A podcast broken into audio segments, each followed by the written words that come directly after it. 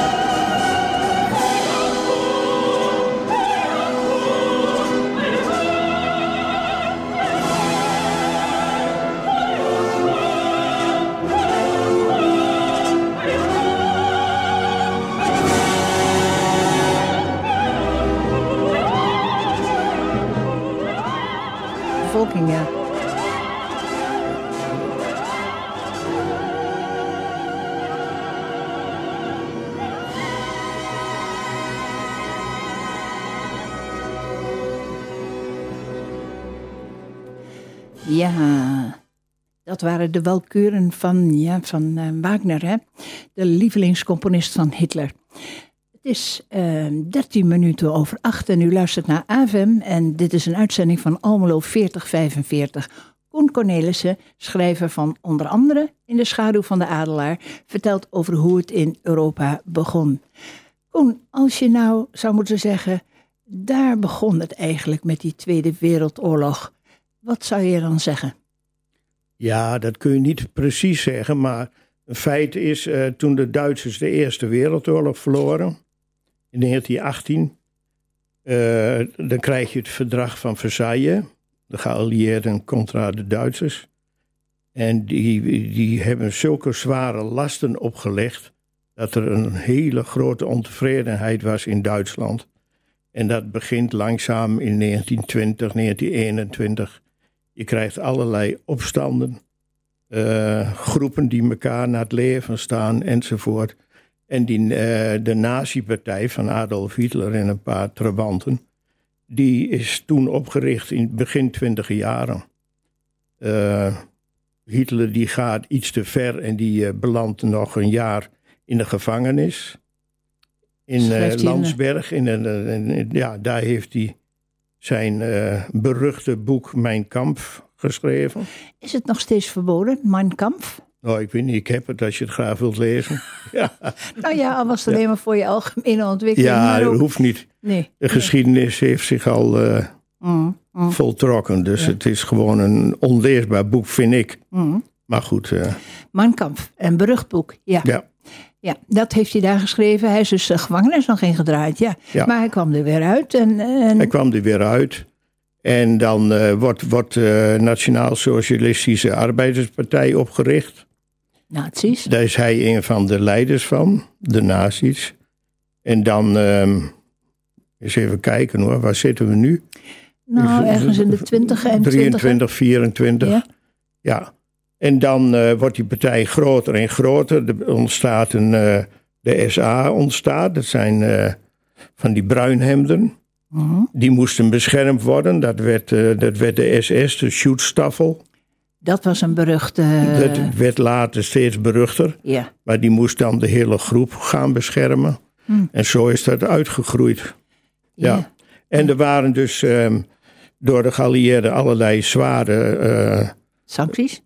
Sancties opgelegd aan de Duitsers. En dan zie je dat heel langzaam Hitler uh, probeert om aan het bewind te komen. Dat lukt hem in 33, 1933. Democratisch gekozen, hè? Ja, hij is gewoon gekozen. Ja. ja. Oh. Oh. En um, als hij één keer aan het bewind is, ja, dan krijg je echt een schrikbewind. Er worden een concentratiekamp in het leven geroepen. Wilde, wilde kan meteen in 33 al. Uh, in fabriekshallen, in oude gemeentehuizen enzovoort enzovoort. En alles wat tegen de nazi's was. Hè, er waren vooral communisten, en, uh, maar ook andere groeperingen die werden ingesloten. Hmm. Dat was het begin. Toen al? Ja, en dan wordt het leger wordt enorm uh, opgeklopt. Uh, men mocht niet meer dan 100.000 uh, soldaten hebben. Nee, dat was een van de. Dat was een van de voorwaarden. Van. En wat deden die Duitsers nu? Uh, ze riepen 100.000 man op. Zes weken een hele goede opleiding. Weg, volgende 100.000. En zo ging het achter elkaar door. Af en toe de eerste groep weer herhalen. Tweede, derde groep erin enzovoort. En toen zij eigenlijk met de oorlog begonnen, zeg maar in 38, 39, toen hadden ze een dijk van een leger. modern. Een modern, heel modern. Ja, een goed getraind leger ook, ja. ja. Want, want dat begon zo, dat, die, die verhalen heb ik dan ook gehoord, dat uh, ze eerst um, de Anschluss met, uh, met, met uh, ja. Oostenrijk, of was daarvoor nog? De Fransen hadden een deel van Duitsland, hè? de Rijnoever. Ja. En dat gaan ze bezetten in 36. de Elzas? De Elzas? Ja, ja die, die kant op, ja. ja. Hm. En dat, uh, dat, nemen de Duitsers terug en kijken hoe de Fransen uh, reageren. Nou, dat gaat goed. Uh, en dan beginnen ze voorzichtig ehm, te praten over het Sudetengebied in Tsjechoslowakije, waar veel Duitsers wonen. En daar lopen ze in 1938 naar binnen. maart 1938.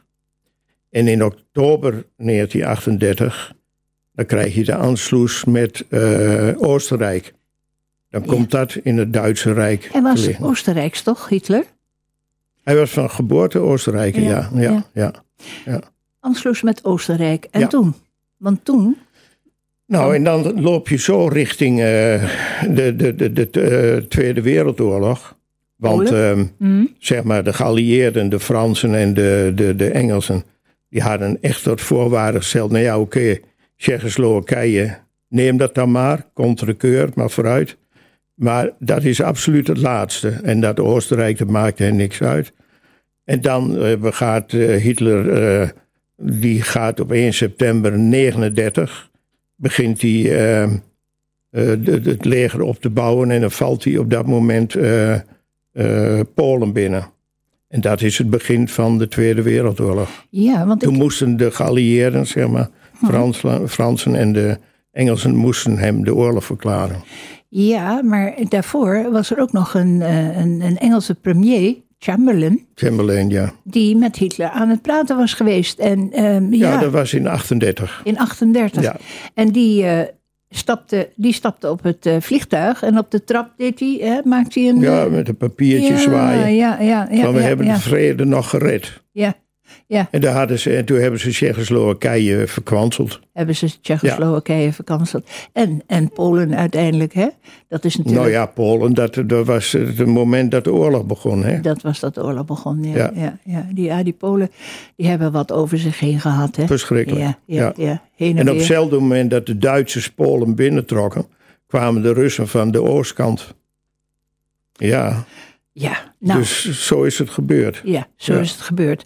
Um, wij gaan uh, zo meteen uh, ook praten mm-hmm. over de mobilisatie. Want Nederland, ja, die heeft zich toch wel enigszins voorbereid. Maar we gaan eerst even luisteren. Katja. Ja, het is een liedje uit de mobilisatietijd. Het is een beetje vrolijk, een beetje lichtzinnig. Dat komt omdat we ons niet konden voorstellen dat de oorlog daadwerkelijk uh, zou, zou gebeuren, zou komen.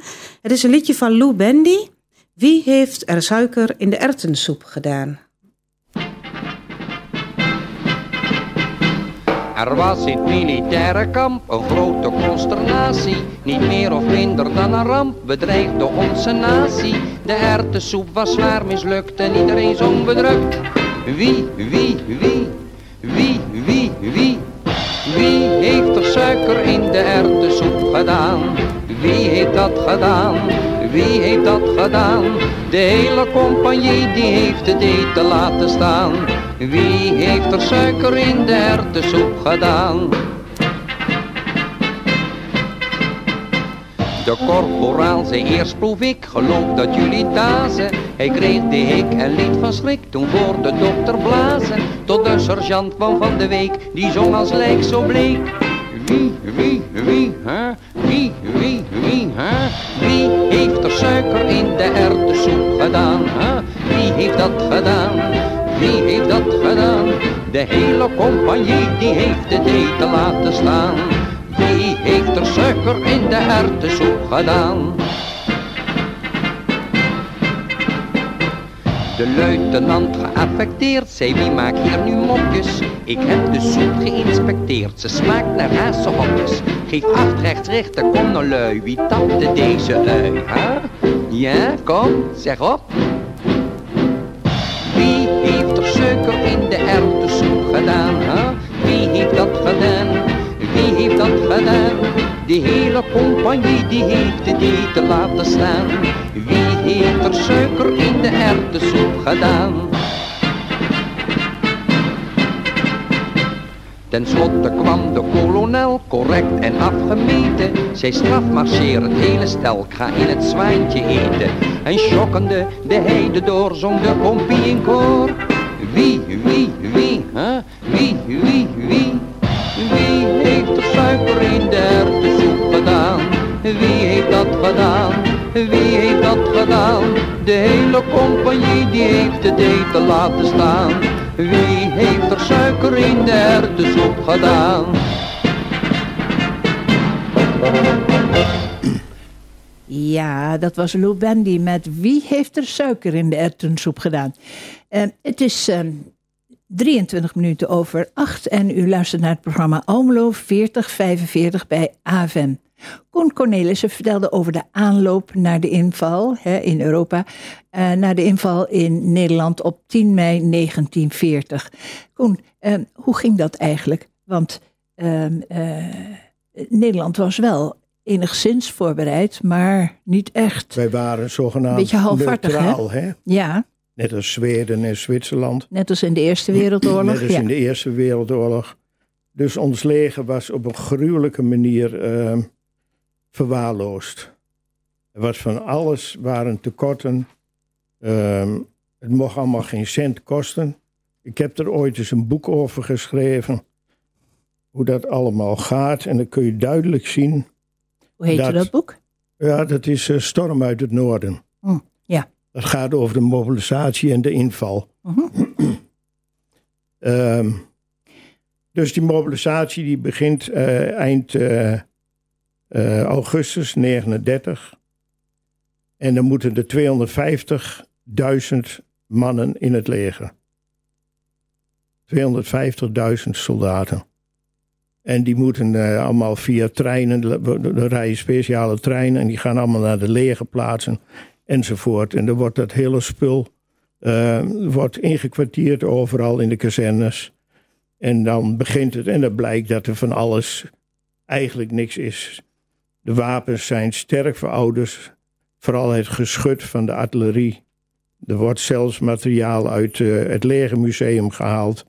Uit 1870. Je gelooft het toch niet? Ja, ja, ja. ja, ja. ja in die tijd, Diep droevig. Ja, men geloofde eigenlijk ook niet, niet zozeer in de oorlog. Hè? Ik herinner me toch ook, ook dat men fel antimilitaristisch was. Ja. Het gebroken geweertje. Ja. Ah, en geen cent voor het leger, hè? Er, waren, er was een heel groot deel van de bevolking die wil gewoon het hele leger afschaffen. Ja, dat, is, leger, ja. dat is een goed recht. Maar ik vind als je een leger hebt, dan moet het uh, klinken als een klok. Dan moet je echt een goed sterk leger hebben of niet. Dan moet je Ja. net doen als Luxemburg, dan zet de poort maar op en kom maar binnen. Ja. Ja. Nou ja, ons, hoe heet onze uh, nieuwe, onze eigen uh, minister van Defensie? Uh, zoals uh, commissaris van de Koning hier in Bijleveld.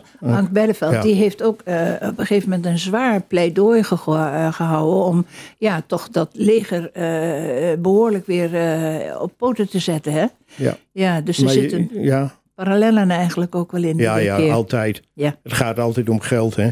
Ja. Kijk, je zag eh, toen na de Eerste Wereldoorlog, toen waren we aardig op sterkte.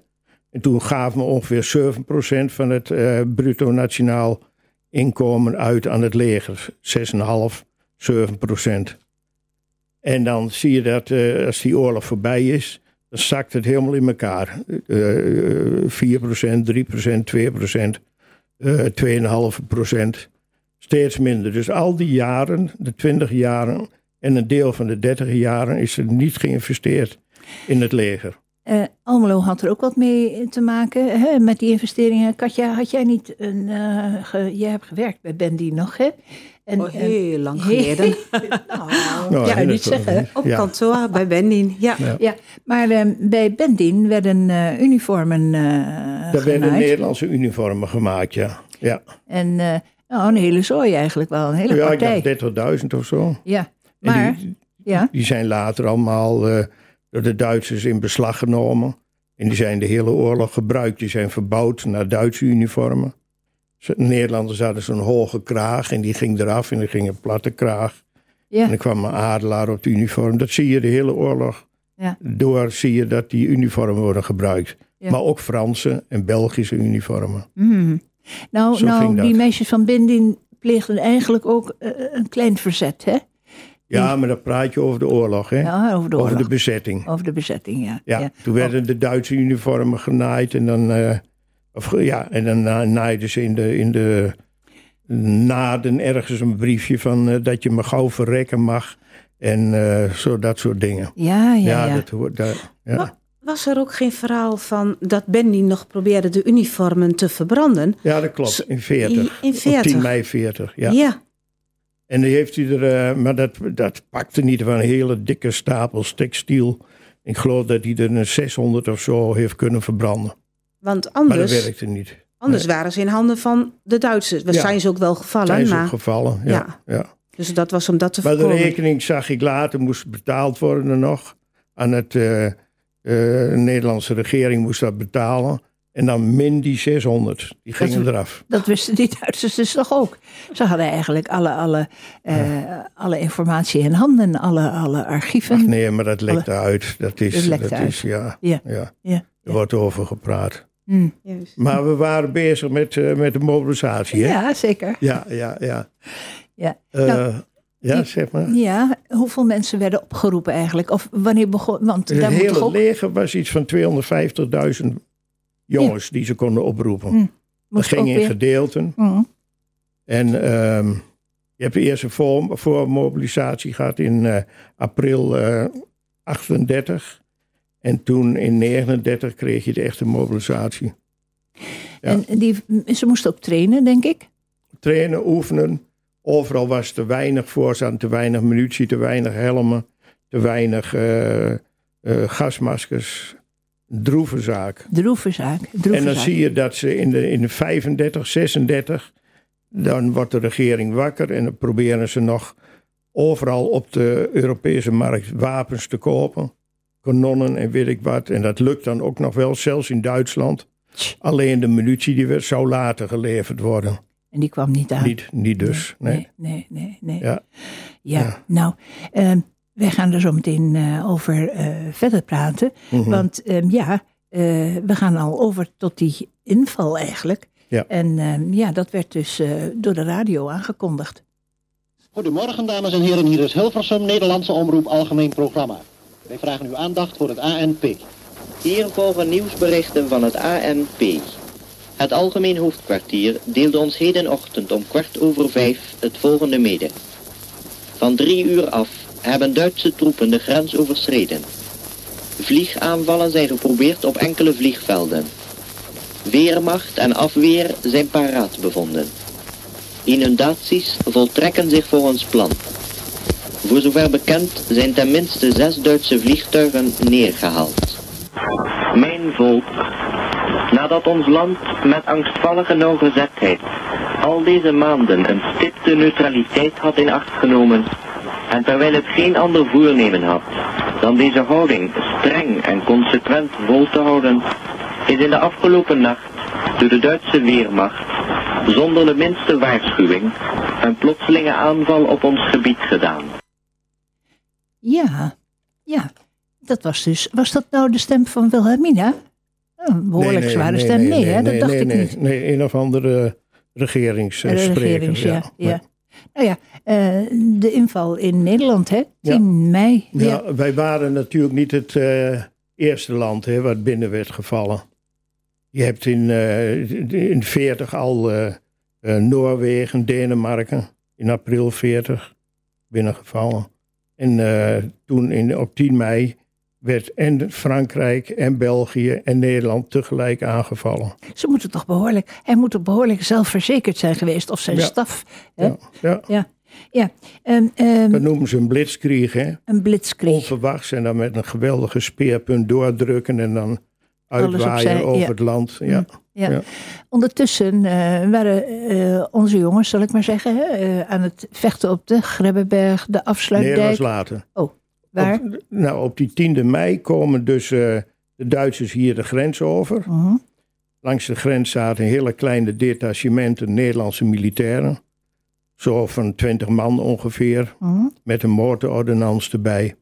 En die, eh, die groepen die moesten de grensoverschrijding eh, rapporteren naar achteren. Hm. Vandaar ook dit boek, Storm uit het Noorden. Kwamen ze boven de grote rivieren de grens over, dan was het Storm uit het Noorden. Kwamen ze onder de grote rivieren, zeg maar Limburg-Brabant, dat werd Storm uit het Zuiden. Zo dat ging een- dat. Een soort tangbeweging, hè? Ja. Hoe, hoe zat dat met, eh, met, met eh, ja, Almelo? Hoe, wanneer werd Almelo eigenlijk bereikt? Hoe zat die Nou, in die die, 10e tang? mei al, s morgens om, eh, nou pak een beer, uur of zeven. Mhm. Ja. En, en, en eh, ik heb je horen vertellen dat het in een soort tangbeweging ook was. Ja, er ging zeg maar, eh, waar de- wij zijn eh, bezet geworden door ehm, eh, cavalerie. Op paarden, Paarden, allemaal. En die ja. kwamen bij, bij ehm, eh, de striepen, daarbij bij Kloosterhaar de grens over. Mhm. En die spreidden zich daar. Een deel ging omhoog, richting Afsluitdijk. En een deel ging naar beneden, richting Geesteren, Almelo. Om bij Almelo weer omhoog te gaan, richting Frieseveen... om een aansluiting te maken met diezelfde groep. Maar in Almelo stuitten ze op verzet, die Duitsers. Hm. En dat waren jongens, eh, je had eh, grensdetachement eh, Mander en Manderveen. En die kregen pas uren later bevel om terug te trekken. Het, eh, de bedoeling was dat ze achter de IJssel zouden geraken om daar de eerste verdedigingslinie te vormen. En dat is een paar groepjes gelukt. Maar hier in Almelo eh, kwamen ze eraan fietsen en toen stonden de mensen al op de straat van, oh, ze bent er al voorbij. Ze bent hier, hier, ze bent doorrennen gewoon. En die jongens allemaal in de sloten en eh mitrailleur opgesteld en weet ik wat. En dan krijg je een enorme schietpartij. Dat heeft nog aardig lang geduurd. Hm, hm. Er waren vier, vier van die ruiters, die gingen rechtsaf de Kromme Dijk in. Ik weet niet of je het kunt voorstellen. Jawel, Ja. jawel. En de rest van die groep die ging verder over door Massumse straat. Hm. En, ehm, en dan zien die vier Duitsers dat het fout is, dat ze niet goed zitten. Komen ze terug en dan wordt het vuur geopend. Hè, met een mitrailleur en met geweren. En dan dondert een Duitser van het paard af, die is dood. En een ander zwaar gewond en, en nog een gewonde. Ja, dat Ging niet maar zo. Nee. dat ging niet zo. Nee, nee. Maar dan horen die andere soldaten op de op straat dat. En die komen met eh, veel lawaai terug. En dan worden die Nederlanders overmeester. Er was maar een groepje van twintig man. En hoe werkte dat nou in de praktijk eigenlijk? Want eh, die Duitsers waren voorbij. Eh, hebben ze dan de burgemeester in gevangenschap gezet? Of hoe Nee. hebben ze zich gemanifesteerd dat, dat, dat, de, dat Almelo bezet was? Ja, dat, dat kwam, daarna kwam er een groep die naar het gemeentehuis gaat. En naar de burgemeester en allerlei opdrachten geeft. Hm. Zo werkt dat. En dan volgt de bezetting. Ja. Maar je hebt eerst nog al die dagen strijd gehad hè, Ja. in het hele land. Ja. Dus de eerste verdedigingslinie was eh, de IJssel. En dan krijg je de Grebbelinie. Ja, ja, ja. Ja. ja. nou ehm, eh, moeten we het toch ook nog even hebben over Wilhelmina, want die was er niet bij, hè? Nee, die is, dat is een beetje een kwalijke rol van haar. Ze is ehm, ehm, op de 12e mei is ze gevlucht naar Engeland. Mijn verjaardag, potdorie. Ja, ja. Hm. Ja, je zou hem haast veranderen. nou, Ja. en, oh, een jaar of tien hoor. Ja, en die is dan naar eh, Engeland vertrokken. Eh, samen met eh Bernard en Juliana en de, en de kleine Beatrix. Ja, Beatrix was het toen, ja. Mhm. Zo is dat gegaan. En daar waren de militairen vreselijk verbolgen over. Ja. Toen dat op die 13e mei uitlekte, Mhm. van eh, de koningin is al weg, waren de soldaten die sloegen de geweren kapot op de bomen en weet ik wat allemaal. En stonden te huilen. En eh, omdat ze uitgeput waren, die waren dagen aan het, aan het eh, verzet aan het plegen tegen die Duitse overmacht. En dan hoor je dat de koningin weg is. Nee, dat is een hele kwalijke zaak. Want eh, dat was. Ja, het. Ja, ja, ja. Want dat was niet in heel Europa zo, hè? En, Nee. eh, eh, want in Denemarken, eh, die, die koning deed het anders, hè? Ja, die bleef aan. En in België ook. Ja. Ja, Leopold. Ja, Ja. en dat betekent dat daar eh, later, daar kom je dan straks op de volgende uitzending, met de Jodenvervolging, dat er in die landen eh, procentueel eh, veel minder eh, slachtoffers zijn gevallen. In Nederland 71 procent van de Joden. Ja, ja, ja, ja. En dat is in, in, in, in eh, eh, Denemarken was dat eh 1,7 procent of zo. Ja.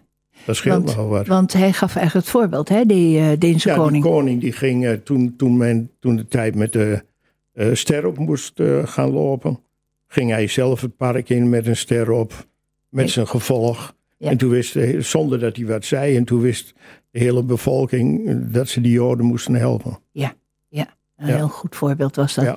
Jammer dat eh, hè, Wilhelmina dat niet heeft gedaan. Nee. Ehm, ja, Het en zal lekker worden nagedragen, de rest. Ja. Waar- waarom ging ze eigenlijk naar Engeland heen? Nou, dat is het dichtstbij. En, En dat was geallieerd land voor ons. maar ja, er was nog wel een ander eh, gebiedsdeel in, eh, wat in Nederlandse dat is handen ook was. voorgesteld door de minister van eh Overzeese gebiedsdelen van Majesteit. Toen ze één keer in Londen was, hè, toen was ze echt een paar dagen helemaal apathisch. Eh, toen besefte ze pas wat ze gedaan had. Dat ze gevlucht was terwijl het, eh, het land in rep en roer was. Ze had er juist moeten zijn toen. En die zei van laten we de eh, regeringszetel verplaatsen naar Indië. Ja, Dan bent u nog op Nederlands grondgebied. Maar dat, daar voelde ze niet voor, want het was warm. Ze is in de hele regeringsperiode ook nooit in Nederlands-Indië geweest. Nee, Ze is Nee. 50 jaar koningin geweest, maar ze is er nooit geweest. we hebben een, eh, een, een lied van Vera Lynn. eh, Vera Katja. Lynn, Ja. My Son, My Son. Vreselijke gevechten op de Grebbeberg, we horen het Koen net zeggen. Ja, En dan hebben de soldaten wel behoefte aan een beetje sentiment, een sentimenteel lied. En Vera Lynn was daar heel erg goed in. Haar bijnaam was dan ook The Forces Sweetheart. ja. My Son.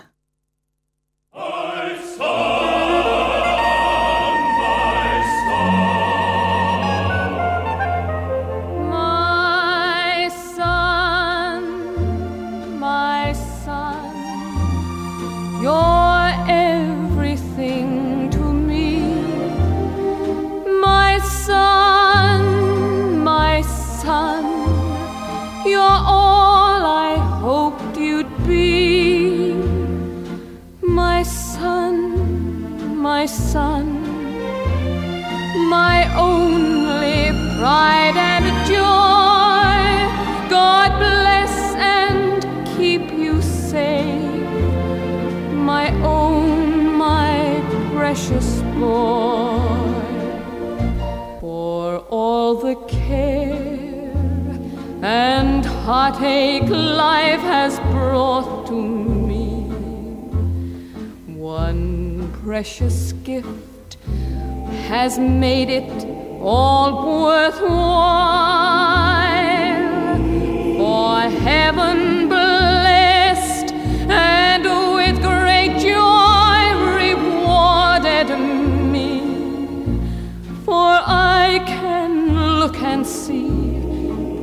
own beloved son.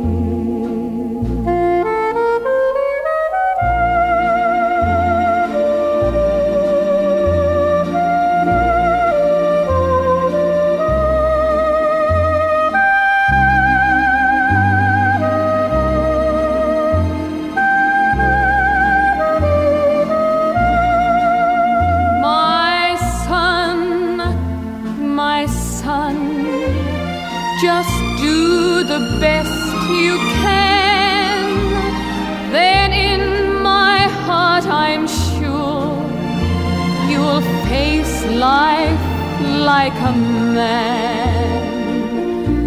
My pride and joy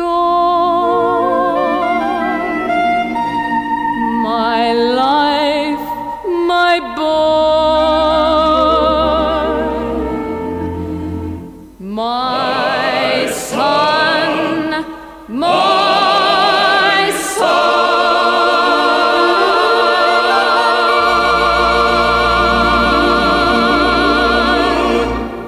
was Vera Lynn met het roerende lied My Son. Hè?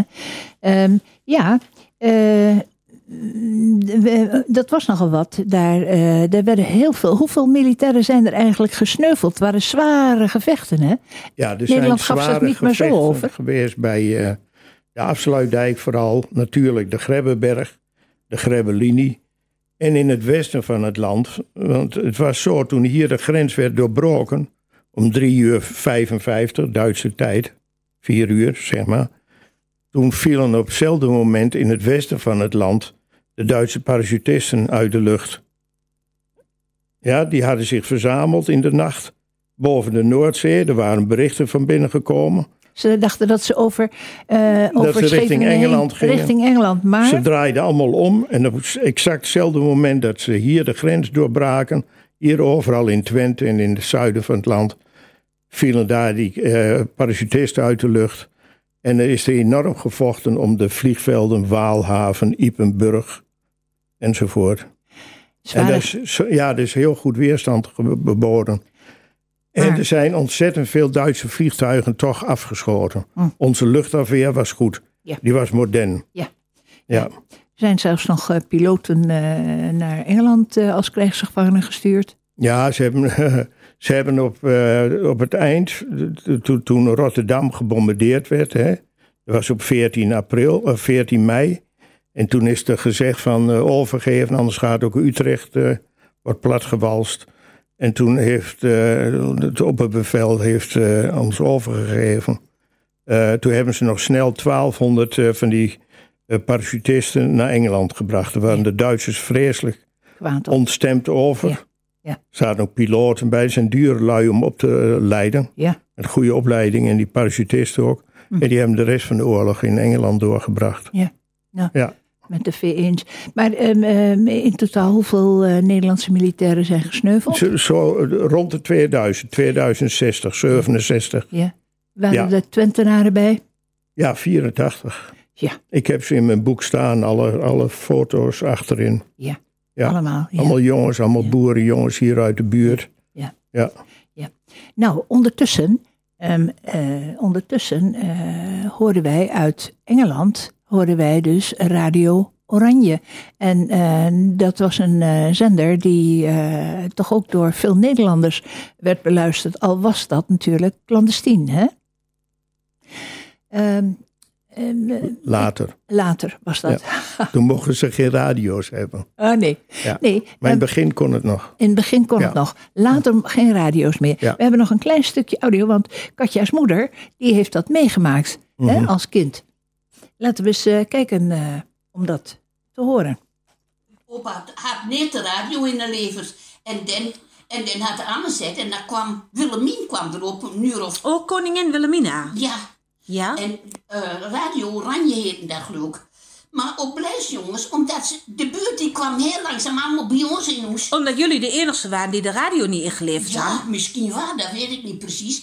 Maar ik weet wat dat op een gegeven moment, dat kon dat niet meer. Want die, die me in de gaten. Dat viel op. af. Ja, dat viel enorm op. En hoe luisteren jullie dan toe naar Radio Oranje? Wie nog wel? Jullie maar nog niet wel. meer met alle buren. Ja, nou ja, het was een stukje, het was later Koen, hè? Dus eh, niet, niet eh, Nee, aan het begin later. van de oorlog, Ja, het was ja, later. ja. Maar ja, eh, Radio Oranje werd wel gebruikt om het imago van koningin Wilhelmina Van op te het poetsen. Koningshuis een beetje weer op te poetsen. Ja, Ja, hier is Radio Oranje, de stem van strijdend Nederland. ja. Enzovoort, enzovoort. mhm. En die kwam wekelijks, kwam er een praatje. Een Ja. een kwartier, ja. Maar er werden Ja. ook, in code werden de berichten eigenlijk, of voor droppings en zo later. Ja, maar eh, dan praat je pas over 44. Ja, Ja. komen we nog wel een keer op, ja. Ja. En, eh, Katja, eh, even wat tussendoor. Ja. Welke muziek? Eddie Christiane? Oh, we gaan luisteren naar de muziek van Eddie Christiani. En dat was een hele bekende zanger in die tijd. Maar hij baalde wel verschrikkelijk, want niks mocht meer in het Engels. Alles moest in het Nederlands van de Duitsers. En Eddie Christiani moest zelfs stokstijf achter de microfoon staan, omdat hij niet mocht meetikken en niet mocht meebewegen met de muziek. Dus het was qua muzikaliteit echt geen leuke tijd voor onze artiesten. We gaan luisteren naar het nummer van Eddie Christiani. Eh, laat, je broek maar waaien. Oeh, dat is een andere. Er was eens een cowboy vol levensvrucht en vuur. Hij had er aan dollars geen gebrek. Geen gebrek. Hij leefde voor vrouwen, van whisky en avontuur. En de zon die scheen hem in zijn nek. Oude taaie, jippie, jippie,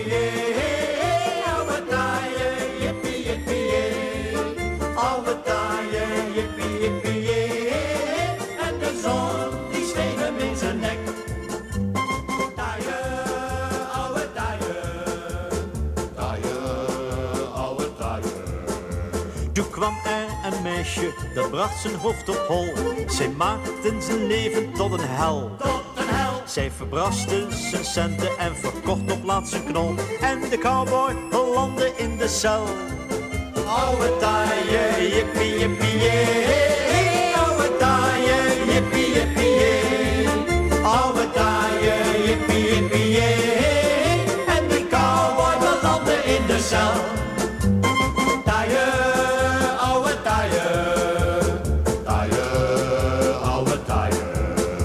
Hij kwam voor de rechter, de eis was lang niet mild. Men dreigde met vele jaren straf. Jaren straf. Zijn zucht naar avontuur, die was meteen gestild. Voor die taaie was toen de lol eraf. Oude taaie, jippie, jippie, jee. Oude taaie, jippie, jippie, jee.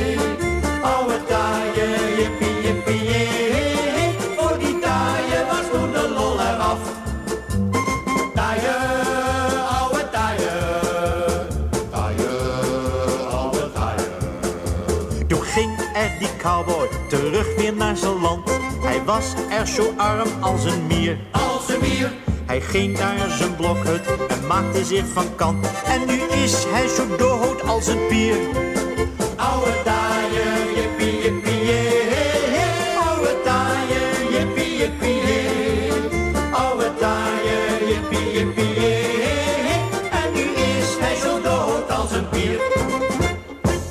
Nou ja, hè. Eh, en dan maar stilstaan hierbij, hè. Ja, Koen, ehm, toch even. eh, hoe ervoeren eigenlijk die Almeloers de bezetting? Nou, in het begin was het eh, de kat uit de boom kijken en het viel wel mee natuurlijk. Hè. Onze winkels werden heel snel leeggekocht, want die Duitsers hadden ook niet best. Dus hier was nog van alles te krijgen, boter, kaas, eieren. En ja, dat viel wel mee. Maar eigenlijk de volgende maand al, in juni 40, dan krijg je langzaam maatregelen tegen de Joodse bevolking. Eh, je mocht niet eh, in de gemeenteraad zitten als Jood. Daar begon het mee. Je mocht geen lid zijn van de luchtbeschermingsdienst. Eh, en dan heel langzaam, en dan gaat dan de hele oorlog, wordt het steeds beroerder. De duimschroeven Tot aan de, de de- deportaties in, in juni of Ja. juli Ja. eh 42. Ja. En dan zie je dat ze steeds meer afgepakt worden, fietsen inleveren. Je mag niet in de bus, je mag niet dit, je mag niet dat. Dat gold niet alleen voor de Joden, toch? Die fietsen moesten ook Nederlanders inleveren. nee, dat was het eind van de oorlog. Op het eind van de oorlog. November Ja, ja, 44. Ja, ja, hielden ze gewoon iedereen aan op straat om Hm. de fietsen af te pakken. Ja. ja. Dus die werden verstopt op daken. Ik heb wel foto's gezien onder het hooi bij boeren en eh, ja, Mijn, eh, op het bij de buren. ja, ja. mijn vriend die vertelde dat ze eh, een een stel banden hadden ze onder de tafel. Hè? Dat was Ja. waarschijnlijk een ronde tafel. En die kwamen na de oorlog nog helemaal kant klaar. Dus eigenlijk weer tevoorschijn waren ze ook een beetje vergeten. En een petroleumkacheltje, hè, wat ook weggezet was. eh, hè, wat nog vol met petroleum zat. Ja. Ja, dat waren ze op een of andere manier vergeten. Nou, ehm, eh, in het begin viel het allemaal nog wel mee. Ja.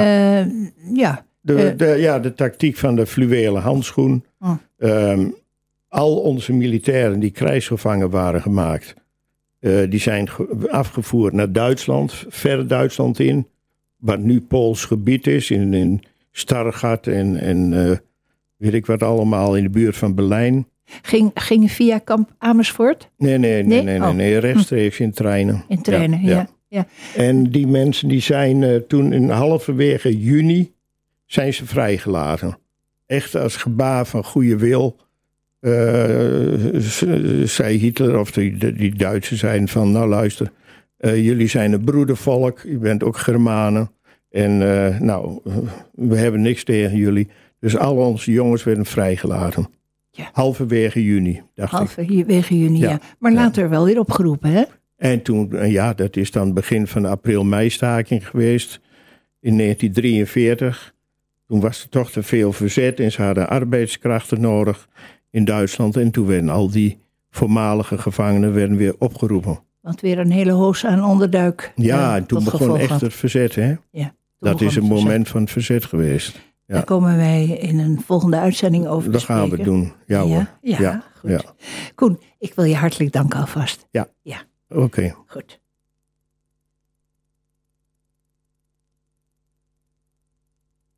Eh, ja, wacht even. Eh, we komen zo langzamerhand namelijk aan het eind van deze uitzending. Hè. Volgende keer op maandag 15 februari om 8 uur. Hoe het verder ging in de jaren 41, 42, 43 en vooral dus ook de jodenvervolging. Hè. Ehm, ja, Ehm, eens even kijken. Daar moet toch maar even een eh, liedje nog tegenaan. En dat heet? Van Doris Day, Sentimental Journey. Ja, Doris Kappelhof. Hè? Ja, Ja, dat Duits. waren gevluchte Duitsers, hè? Ja, Duitse immigranten. Ja. ja. Zij is natuurlijk heel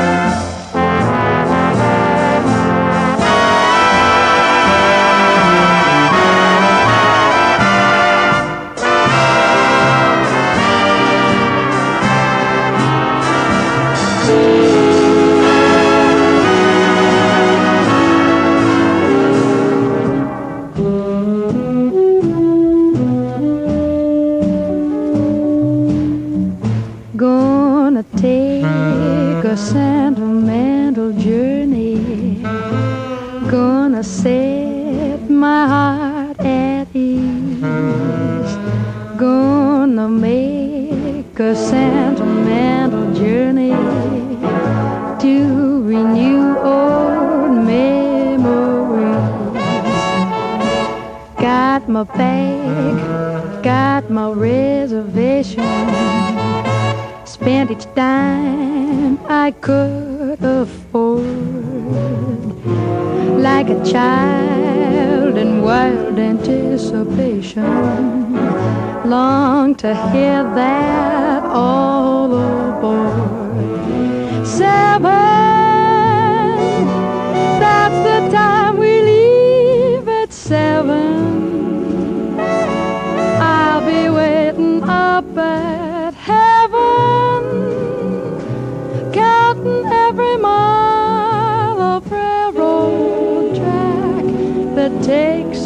back.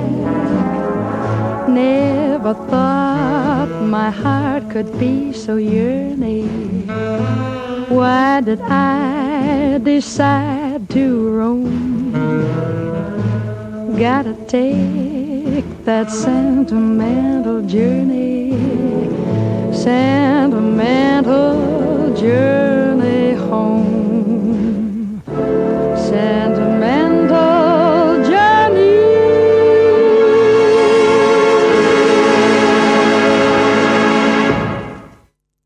Was Day, Sentimental Journey.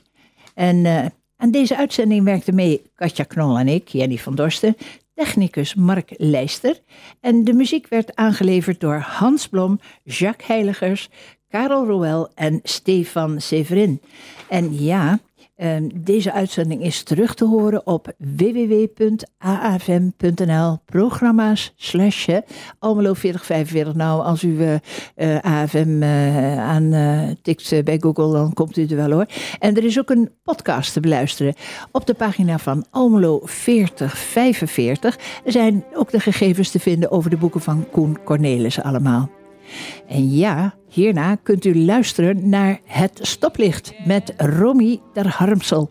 Ze is net, eh, heeft een, een eh, baan eh, gekregen in, in, bij de, in Hilversum. Nou, ehm, Stoplicht van Romy heet Altijd wat te doen in Almelo. Maar ja, wat hè?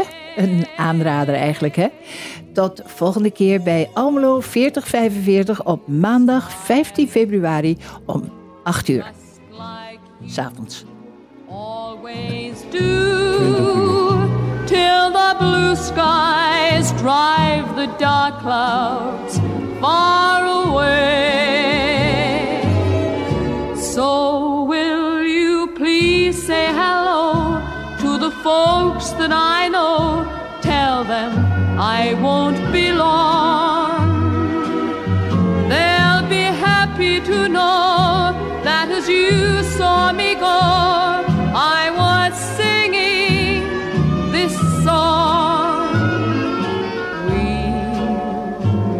again. Don't know where, don't know what.